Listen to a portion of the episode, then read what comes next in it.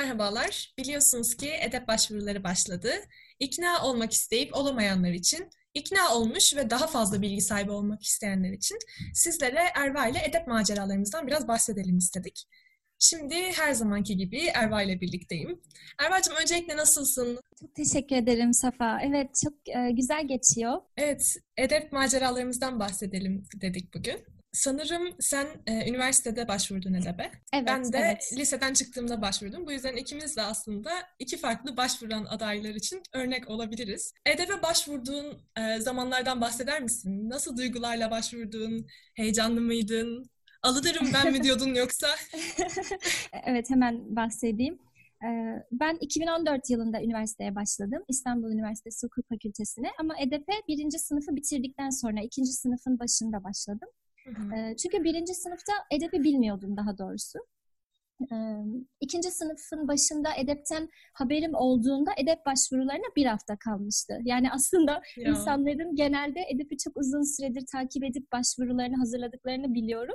Ve benim için son dakika öğrendiğim ve keşke daha önce bilseydim dediğim bir fırsat gibiydi. Ve hemen o bir haftada niyet mektubumu hazırladım. Zaten hali hazırda bir not ortalamam vardı ve üniversite öğrencisiydim yani senin bahsettiğin gibi. Hı hı. Ve EDEP'e başvurduktan sonra da e, mülakatlara gittiğimde çok sakindim. Niyeyse bir sakinlik olmuştu içimde. Orada bir arkadaşımla tanışmıştım. Onu hala çok çok güzel bir arkadaşlık bağıyla severim. Çünkü EDEP'in mülakatında tanışmıştık. O zaman birbirimizi çok sevdiğimizi anlamıştık daha doğrusu ve o dostluk dört yıl boyunca devam etti. Daha sonra Ürdün'e birlikte gittik. Ne Aynı güzel. odada kaldık onunla. Ne güzel.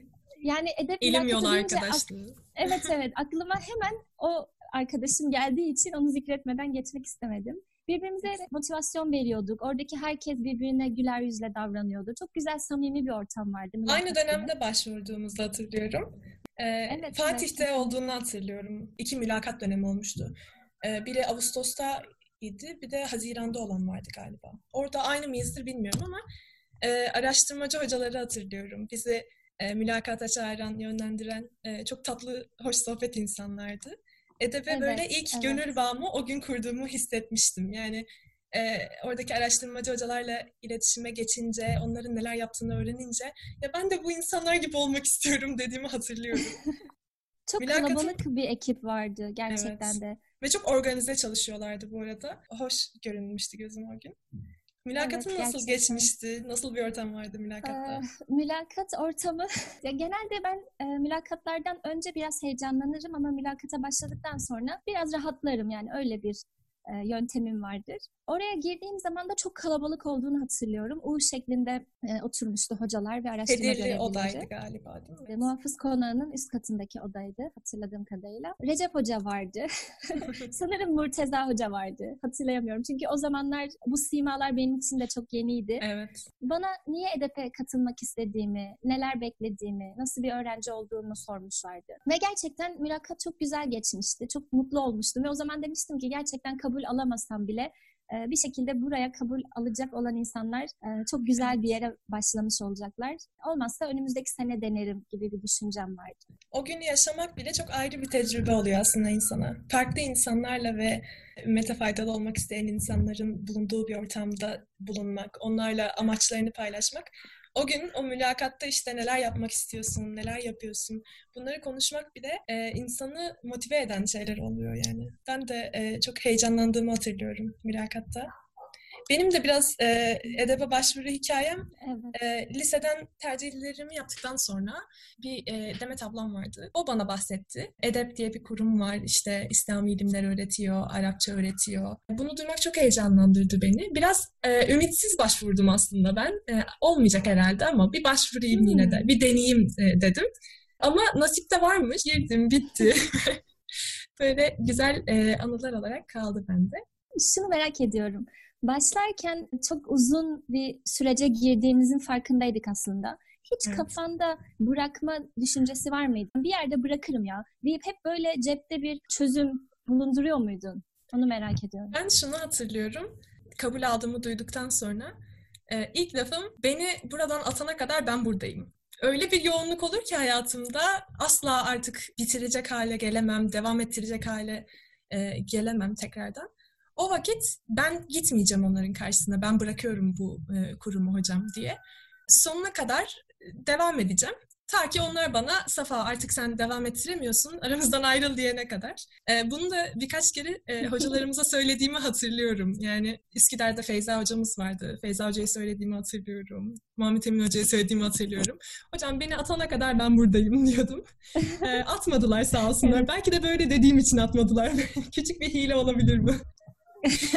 Hayır ben hiç öyle zannetmiyorum. Bence gerçekten hakkını veren çok iyi bir öğrenciydin. O yüzden ya. asla böyle bir şey olmadı. Ama ben şunu görüyorum. Gerçekten bir işe kararlı başladığımız zaman ve hiçbir zaman pes etme ihtimalini aklımıza dahi getirmediğimizde o iş bir şekilde yoluna giriyor. Çünkü evet. önceden kendimizi hazırlıyoruz. Bu yol kolay olmayacak. Evet. Mesela ve ikinci yılım çok zor geçmişti.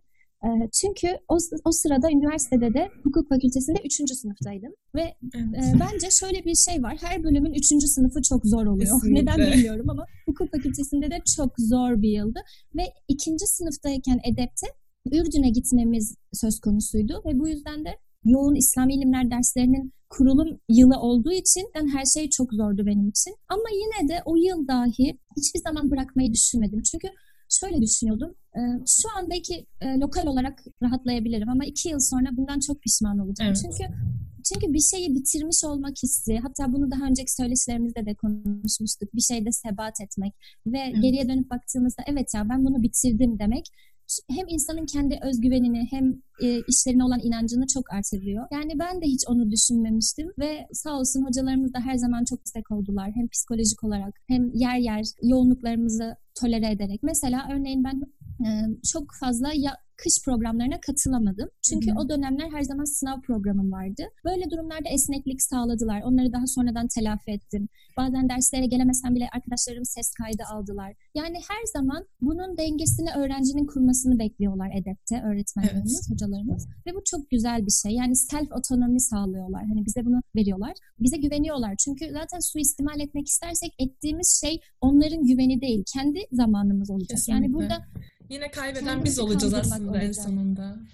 Evet kesinlikle. O yüzden de e, bir şeyler gitmiyorsa bunu biz fark edeceğiz. Bir şeyler gidiyorsa da bunu biz çabaladığımız için olacaktı. Yani evet. hocalarımızın bize yaptığı şey bir baskı değil. Tam tersine bu gönüllü faaliyeti teşvik etmekti. Evet. O yüzden EDEP'in ben eğitim e, anlayışını ve izlediği yolu çok takdir ediyorum. Bence dünyada örneği de olmayan bir kurum gerçekten. Bilmiyorum sen ne düşünüyorsun Safa? Kesinlikle. Yani onur programı olarak geçiriyoruz. Belki ileride böyle onur programları hakkında, dünyadaki onur programları hakkında küçük bir söyleşi de yaparız ama e, genel manada gönüllülük esasına dayalı olan onur programı e, ben hiç görmedim dünyada da. Eşi benzeri olmayan bir program diyebiliriz. Evet. Belki şu bulunduğumuz tarihte eşi benzeri yoktur. Belki geçmişte vardı. E, ama e, şu dönemde hem hocalarımız hem öğrenciler hep birlikte karşılıklı gönüllülük işi, işine dayanarak e, ilerleyen bir e, program bu. Peki ben şeyi sormak evet. istiyorum. Ders saatlerinin yoğunluğuyla e, edebin ders saatlerinin yoğunluğunun çakıştığı dönemler oluyor muydu? Seni bu evet. yoğun tempo zorladı mı dönem içinde? Evet, evet. Yani kesinlikle çok zorladı. Buna hayır, hayır diyemeyeceğim. Çok zorladı. Ee, şöyle bir durum vardı. İstanbul Üniversitesi Hukuk Fakültesi'nde bir yıl sabahçı oluyorsunuz, bir yıl öğlenci oluyorsunuz. Ben sabahçı olduğum zamanlar dersim 8.30 gibi başlıyordu sanırım ve 12.30'da bitiyordu. O zamanlarda 12.30'da e, çıktıktan sonra 6'daki akşam dersleri ve haftada 3 gün olduğunu e, göz önüne alırsak haftanın Arada üç çok günü, fazla zaman farkı var. Evet 6 saat zaten 4 saat derse girdikten sonra bir bekleme sürem oluyordu. Evet. 6 saat boyunca kütüphanede vakit geçiriyordum ve e, bu kışa denk geldiği zaman çok yorucu oluyordu. Hem hava çok erken kararıyor hem evet. de e, her zaman dışarıdasın. Fiziksel olarak çok yıpranıyordum. Evet. Akşam 6'daki derslere yetişiyorsun. Zaten ona kadar sürüyor bu dersler. Hani zihinsel olarak da artık yorgunluğum tavan olduktan sonra eve dönüyordum ve özellikle cuma günleri bu yoğun program varsa çok daha zor. Çünkü cumartesi de tüm gün dersimiz oluyordu. Bazen diyordum ki ya hiç eve gitmesem daha iyi. Çünkü zaten Değil 10 saat sonra edepteyim. Ben özellikle saat... cuma günleri bunu düşünüyordum. 9.30'da biten evet. dersimizden sonra kalkıp eve gidiyordum. O kadar trafikte vesaire. Sonra sabahın 9'unda tekrardan hani aradaki o 12 saatlik parça için hiç gidesim evet. gelmiyordu evet. Böyle çok esprisini yapmış oluyorduk böyle. İşte hocam bize evet. yatak serin biz burada uyuyalım. neden evet, gidiyoruz evet. ki falan sorguluyorduk. Ee, benim de şöyle oluyordu. Boğaz içinde aralıklar oluyordu arada bir iki saat dinlenmelik. Ama e, sabahtan akşama da dersimiz oluyordu bir nevi. Beşte bitiyordu genelde derslerim ve altı çeyrekte edepte ders başlıyordu. Senelerce aç girdim ben derslere. Gerçekten mi? yani şöyle kaçamak kaçamak böyle altı çeyrekte ders başlıyordu. Ben böyle 15 dakika hemen yemeğimi yiyip derse koşuyordum. Böyle zorlukları oluyordu veya araya çıktığımızda yiyordum falan. Ama o e, heyecanla koşuşturmanın ayrı bir tadı oluyordu. Özellikle ben edebe girdiğim zaman e, Üsküdar Şubesi yeni açılmıştı biliyorsun. Hatırlıyorsun. Evet evet tam onu soracağız. vardı. E, koca bir binada sadece 20 kişiydik. Hocalarımız ve biz vardık. Ve böyle hani toplasan her, her sınıfa sadece 2-3 kişi falan düşüyorduk. İstediğimiz her şeyi rahat rahat yapıyorduk. Kimse sorgulamıyordu bizim ne yaptığımızı. Ve çok güzel manzaralı bir binaydı. Zaten her akşam böyle öyle bir binaya gitmek, orada yemeğini yemek, işte etrafı seyretmek her şey bedeldi yani. Bütün yorgunluğunu alıyordu o ortamda hocalarımla sohbet etmek, arkadaşlarımla buluşmak e, çok e, keyifli zamanlar geçiriyorduk elhamdülillah. Evet, evet. Peki şöyle bir şey oluyor muydu? Cumartesi günleri sabah e, gelmeden arkadaşlar simit isteyen var mı? Bunu gerçi mezuniyette yoktun sen. Çok üzülerek Ama evet. mezuniyette şöyle Çünkü... bir anımız oluştu. Fatih'ten, e, Üsküdar'dan kızlar ayrı ayrı video hazırlamışlardı hatıralarını sunan. Fatih'tekilerin hep böyle fotoğrafları arkadaşlarıyla, sohbet, muhabbet ortamı. Bizim sürekli yemek ortamımız vardı. Bütün fotoğraflarımız yemekten oluşuyordu.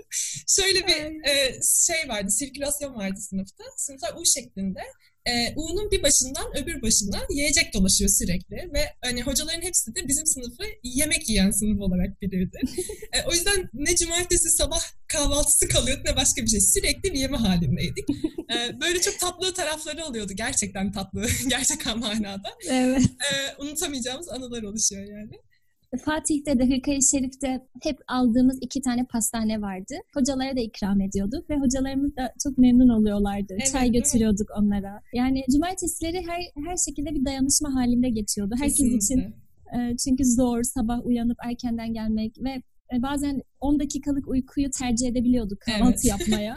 O yüzden bu kahvaltı seansları, böyle ders aralarında bahçeye çıkmak, bankta oturmak Bunlar çok iyi geliyordu gerçekten cumartesi Şu çok güzel bir duyguydu. Cumartesi sabahları kahvaltıyı hiç konuşmadığımız halde şunu biliyorduk. Biri bizi düşünüp bol bol simit alıp gelecek. Hani çok kez böyle buna güvenerek gittiğimi bilirim ve bazen de e, o öyle oluyordu ki hani sen simit al ben simit alayım gibi bir belirleme yapmadığımız için 4-5 kişi 5-6 tane simitle geliyordu. En sonunda artık hepsini parçalayıp bütün sınıflara dağıtıyorduk edepte. Çünkü anca böyle herkes doyuyordu. Bütün edebi doyuruyorduk.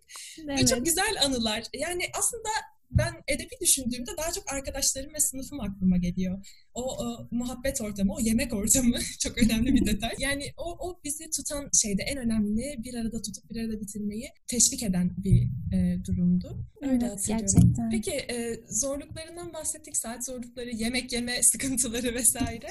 e, seni edepte tutan, e, orada e, devam etmeni sağlayan en önemli unsurlar nelerdi? Biraz bunlardan bahsetsene bana. Evet, gerçekten derin bir soru oldu. Beni edepte en çok tatmin eden şeylerden biri gerçekten e, öğrendiğim şeylerin Allah rızası için olmasıydı. Çünkü e, tam bu yaşlarda hayatımızı kurma aşamasındayız. Evet. Ve yaptığımız her şey az çok kariyerimizle alakalı, ilerideki gelecek kaygılarımızı besleyen bir davranış oluyor.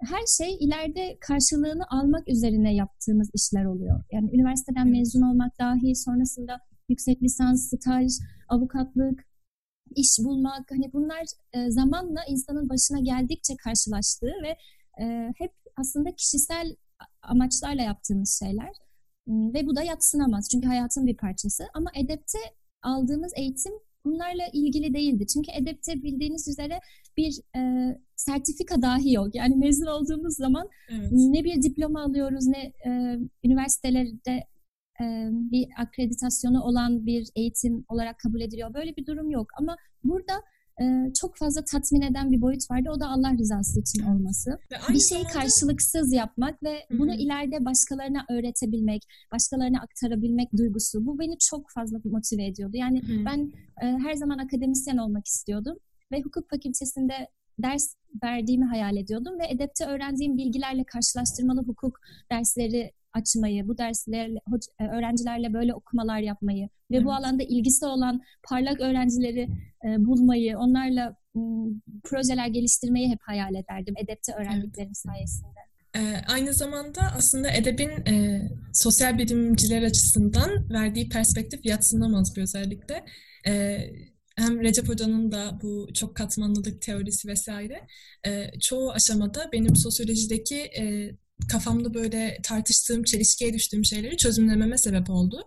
Hem kişisel e, hayatımızdaki o e, tatmini sağlıyordu hem de aslında akademide bir yerde kendimizi konumlandırabilmemizi sağlıyordu. Çünkü çok fazla arkadaşımla da e, muhatap oldum ben edepte e, bulunmayan ve onların da her seferinde e, kendilerine bir e, konum bulma çabalarının olduğunu fark ettim. E, çünkü her bir teorisi olan bir bilim adamına uymuyordu düşündükleri. Hep havada kalan, hep yerlere oturmayan inançlar bütünü ve e, bilgi, e, bilim bütünü vardı. Din ve bilim hep ayrı tutuluyordu. E, edepte bunu bir nebze birleştirebilmiş olduk bize perspektif vermiş oldu. İnşallah bu perspektiften de e, bizler bir şeyler üreteceğiz. Dediğim gibi karşılaştırmalı derslerle farklı tarzda da sosyal olayların açıklanabileceğini ortaya sunmuş olacağız Allah'ın izniyle. Evet, evet. Çok çok doğru. Şunu sormak istiyorum bir de. Hayatını nasıl düzene koyuyordun? Edep e, edep haricinde kalan vaktinde sosyal e, faaliyetler yürütebiliyor muydun? Sosyal faaliyetleri geçtim. Hmm. Arkadaşlarınla iletişimin nasıldı? E, ortamlarından koptun mu yoksa hala devam edebildin mi? Bunu merak evet. ediyorum. Çünkü bu çok önemli bir soru. Özellikle evet. mesela ben liseden çıktığım için bunu çok fark edemiyorum. Çünkü üniversite hayatına edeple başlamış oldum ve hayatımı buna göre şekillendirebildim ama evet. üniversitede başlayan bir insan için zaten ortamını kurmuşsun, arkadaş çevren oluşmuş, e, sosyal e, hayatın bir şekilde kurulmuş. O sosyal hayattan biraz fera, feragat etmen gerekiyor. Fedakarlık göstermen gerekiyor edebe başlamak için belki de. Evet. E, o yüzden bu konu hakkındaki düşüncelerinde aydınlatıcı olabilir. Evet. evet yani çünkü arkadaşlarımın hiçbiri edep öğrencisi değildi ve daha sonradan hmm. edepteki arkadaşlarım benim daha yakın arkadaşlarım oldu. Hı Ama ilk başladığım zaman çevremde edep gibi çok yoğun bir programa devam eden tek kişi bendim. Ama evet. ben her zaman şöyle bir yol izliyordum. Ee, mesela bir gün arkadaşlarımla buluşacaksam o gün normalden gerçekten iki saat ya da üç saat önce uyanırdım. Ve hı bir şekilde arkadaşlarımla geçireceğim zamanı sabah kendi uykumdan feragat ederek telafi ederdim. O arada derslerimi çalışırdım ve e, yine çok de güzel. hayır demezdim. Yani ne kadar yoğun olursam olayım arkadaşlarıma çok hayır demedim. Ve onlar evet. da benim yoğun olduğumu ve bu tarz fedakarlıklar yaptığımı fark ettikçe bana olan e, itimatları atmıştı yani evet ve o zaman onlar biraz bana göre plan ve buluşma ayarlamaya çalışıyorlardı. Ama ben her zaman gerçekten şuna inanıyorum. Herkes bir şekilde çok yoğun. Hani biz zaten edepte devam eden öğrenciler olarak çok daha fazla yoğunduk ama bunu karşı tarafa yıkmamak gerektiğini düşünürdüm hep. Yani evet. kendi hayatımdan fedakarlık yapıp o kişiyle buluşabilirim, o arkadaşlarımla sosyal hayatımı devam ettirebilirim diye düşünürdüm. Zaten hmm. genelde arkadaşlarımızın da bunu yapmaya değer insanlar olmasını da hayat geç zaman geçtikçe öğreniyoruz. Evet. Ve e, o süzgeçten geçen ve geriye kalan arkadaşlıklar da bunu yapmaya değiyordu bence. Hmm, yani hiçbir zaman insanlara hayır demek istemezdim. Ve bu şekilde bir denge oluşturdum. Ailemle de aynı şekilde. Sabah erken kalkardım ve şöyle bir şey de var. Yoğunluk yoğunluğu getiriyor. Yani hiçbir evet. zaman evren boşluk kaldırmıyor. Bütün işlerimi de yapmış olsam gene yapacak bir şey olurdu. Bunu da bildiğim için bir yerde dur deyip tamam şu an ailemle vakit geçireceğim derdim. Çünkü bunu telafi ederdim. Yani uykumdan e, fedakarlık yapıp ya da başka sevdiğim aktivitelerden fedakarlık yapıp. Evet. İmam Gazali'nin bir duası aklıma geldi bu aşamada. Allah'ım bana zaman içinde zaman yarat diye dua edermiş. Aslında biraz böyle bir işe girecek insanlar için edebilecekleri çok güzel bir dua bu. Benim için de şöyle oluyordu aslında. Edebe ilk başladığım senelerde hazırlıktaydım. İşte birinci sınıf, yeni alışma dönemleri. Baktığımda edebe gittiğim süre nin dışında bana kalan süreler genelde hafta içi 9.30'dan sonrası oluyordu ki 9.30'dan sonra da bir saat yol gidiyordum eve varmak için. Hafta arası 3 gün dersimiz vardı e, ve iki günü bize kalıyordu. Şu an Edep'te hafta arası iki gün dersler var. Bu açıdan öğrenciler için çok büyük bir fırsat. O zamanlar üçtü. O geriye kalan iki günü çok iyi değerlendirmeye çalışıyordum. Çünkü başka çarem yoktu. Aslında bu çaresizliği hayatında oluşturmak insana bir e, azim de vermiş oluyor. Tam da dediğin gibi e, ben de arkadaşlarımı reddetmek istemezdim. O yüzden e, sabahleyin mesela okula saat hala daha arkadaşlarım tarafından böyle bilinirim. Okula saat 6'da giden kız. 6'da, daha doğrusu 6'da gitmiyorum. 7'de varıyorum ama 6'da kalkarım. Hep hazırlanırım. 7'de okulda olurum. 9'da dersim başlıyorsa o 2 saat benim için çok önemlidir. Çünkü eğer o 2 saati güzel değerlendirmezsem okulun zamanı içerisinde işte bir saat alarm varsa arkadaşlarımla onu geçiremem. Bırakıp kütüphaneye gitmek zorunda kalırım. Çünkü şunu biliyorsunuz, sonrasında edep var, ondan sonrasında başka işlerim var vesaire. Asla o işe bir daha vakit bulamayacaksın ve onu o an yapmak zorundasın. Evet.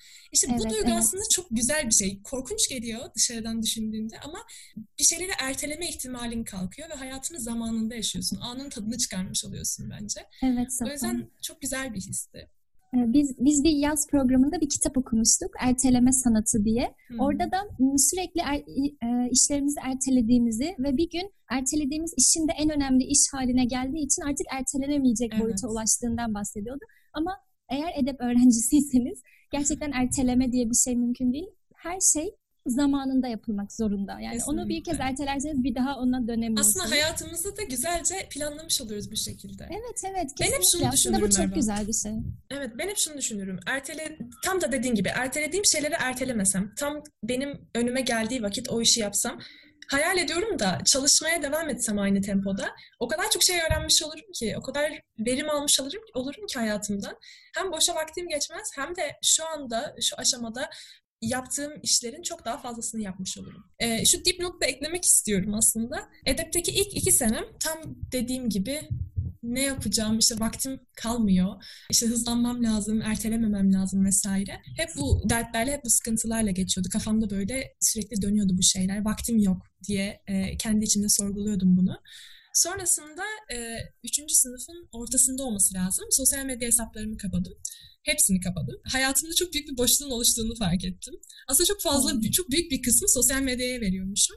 Ve e, şu aşamada mesela çok daha rahat hayatımı planlayıp edeple de bu işin çok rahat gidebildiğini fark ettim. Hani bir daha edep olsa herhalde böyle bir sıkıntıyı yaşamam, böyle bir şey sorgulamazmışım. Rahatça her şeyi yerleştirirmişim gibi. Ee, ekstra bir şey daha eklemek istiyorum aslında. İkinci ve üçüncü senelerimde e, böyle bir uygulama çıkmıştı. Hafızlık eğitimi başlamıştı EDEP'te. E, benim gördüğüm arkadaşlarım hafızlığını şu şekilde devam ettiriyorlardı. Sabah 6'da kalkıyorlardı. Hatta 5.30 oluyordu genelde bu. E, beş hmm. buçuk, altı gibi kalkıp derslerini veriyorlardı hocalarına. Sonra 9 gibi okullarına gidiyorlardı. 5 gibi dönüp 6 gibi edepte derse giriyorlardı. 9.30'da de, edepte dersten çıkıyorlar. Sonra 11.30'a kadar işte okul işlerini, ödevlerini tamamlayıp 11.30'da tekrardan ed, öbür günün dersini hazırlamak için Kur'an ezberine dönüyorlardı. Ve 12.30'da hmm. da yatıyorlardı. Aradaki 5 e, saatlik uykuyla günlerini geçiriyorlardı ve efsane bir çalışma düzenleri vardı. Yani Düşündüğümüzde bir insan edeple okulu devam ettirebilir mi sorusunu kafamızda geç, geçiriyoruz şu dönemde. E, ama bu insanlar hem hafızlığı hem edebi hem okulu devam ettiriyorlar ve e, şöyle tecrübeleri çok dinledim. E, çok yani hafızlığı hayatının odağına koyup bütün e, gününü hafızlığa ayırdığından çok daha fazla bereketli oluyor dediklerini biliyorum. Çünkü evet. o hayatını düzenlemek, ertelememek belki hayata bereketi katıyor. Böyle bir detay da e, verebilirim arkadaşlarımın evet. tecrübelerinden. Evet çok çok doğru söyledin. Yani bir makale üzerinde çalışırken bile iki gün hep aynı makaleye baktığımızda bir yerden sonra körleşiyoruz ve evet. başka bir işle uğraştıktan sonra tekrar geriye dönersek hiç daha önce görmediğimiz Kesin. eksiklerimizi görüyoruz. Yani işlerimiz de öyle. Her zaman tek bir şeye odaklanmak yerine daha çok yönlü olup Evet. Bir birinden biraz sıkılınca öbürüne geçip yani aslında bir işten yorulunca başka bir işe geç bu ayet dediği. Evet kesinlikle. çok, o benim hayatımın mottolarından biridir evet. gerçekten. Çok çok doğru. Edebin kapısını asmamız lazım bu ayeti. Aklımızda evet. bulunsun. evet. Evet. Bugünkü söyleşimizi de bu şekilde bitirelim. Bizi dinlediğiniz için çok teşekkür ederiz.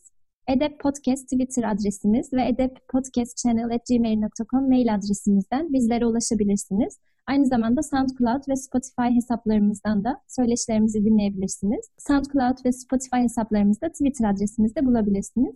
Çok teşekkürler, iyi günler dileriz.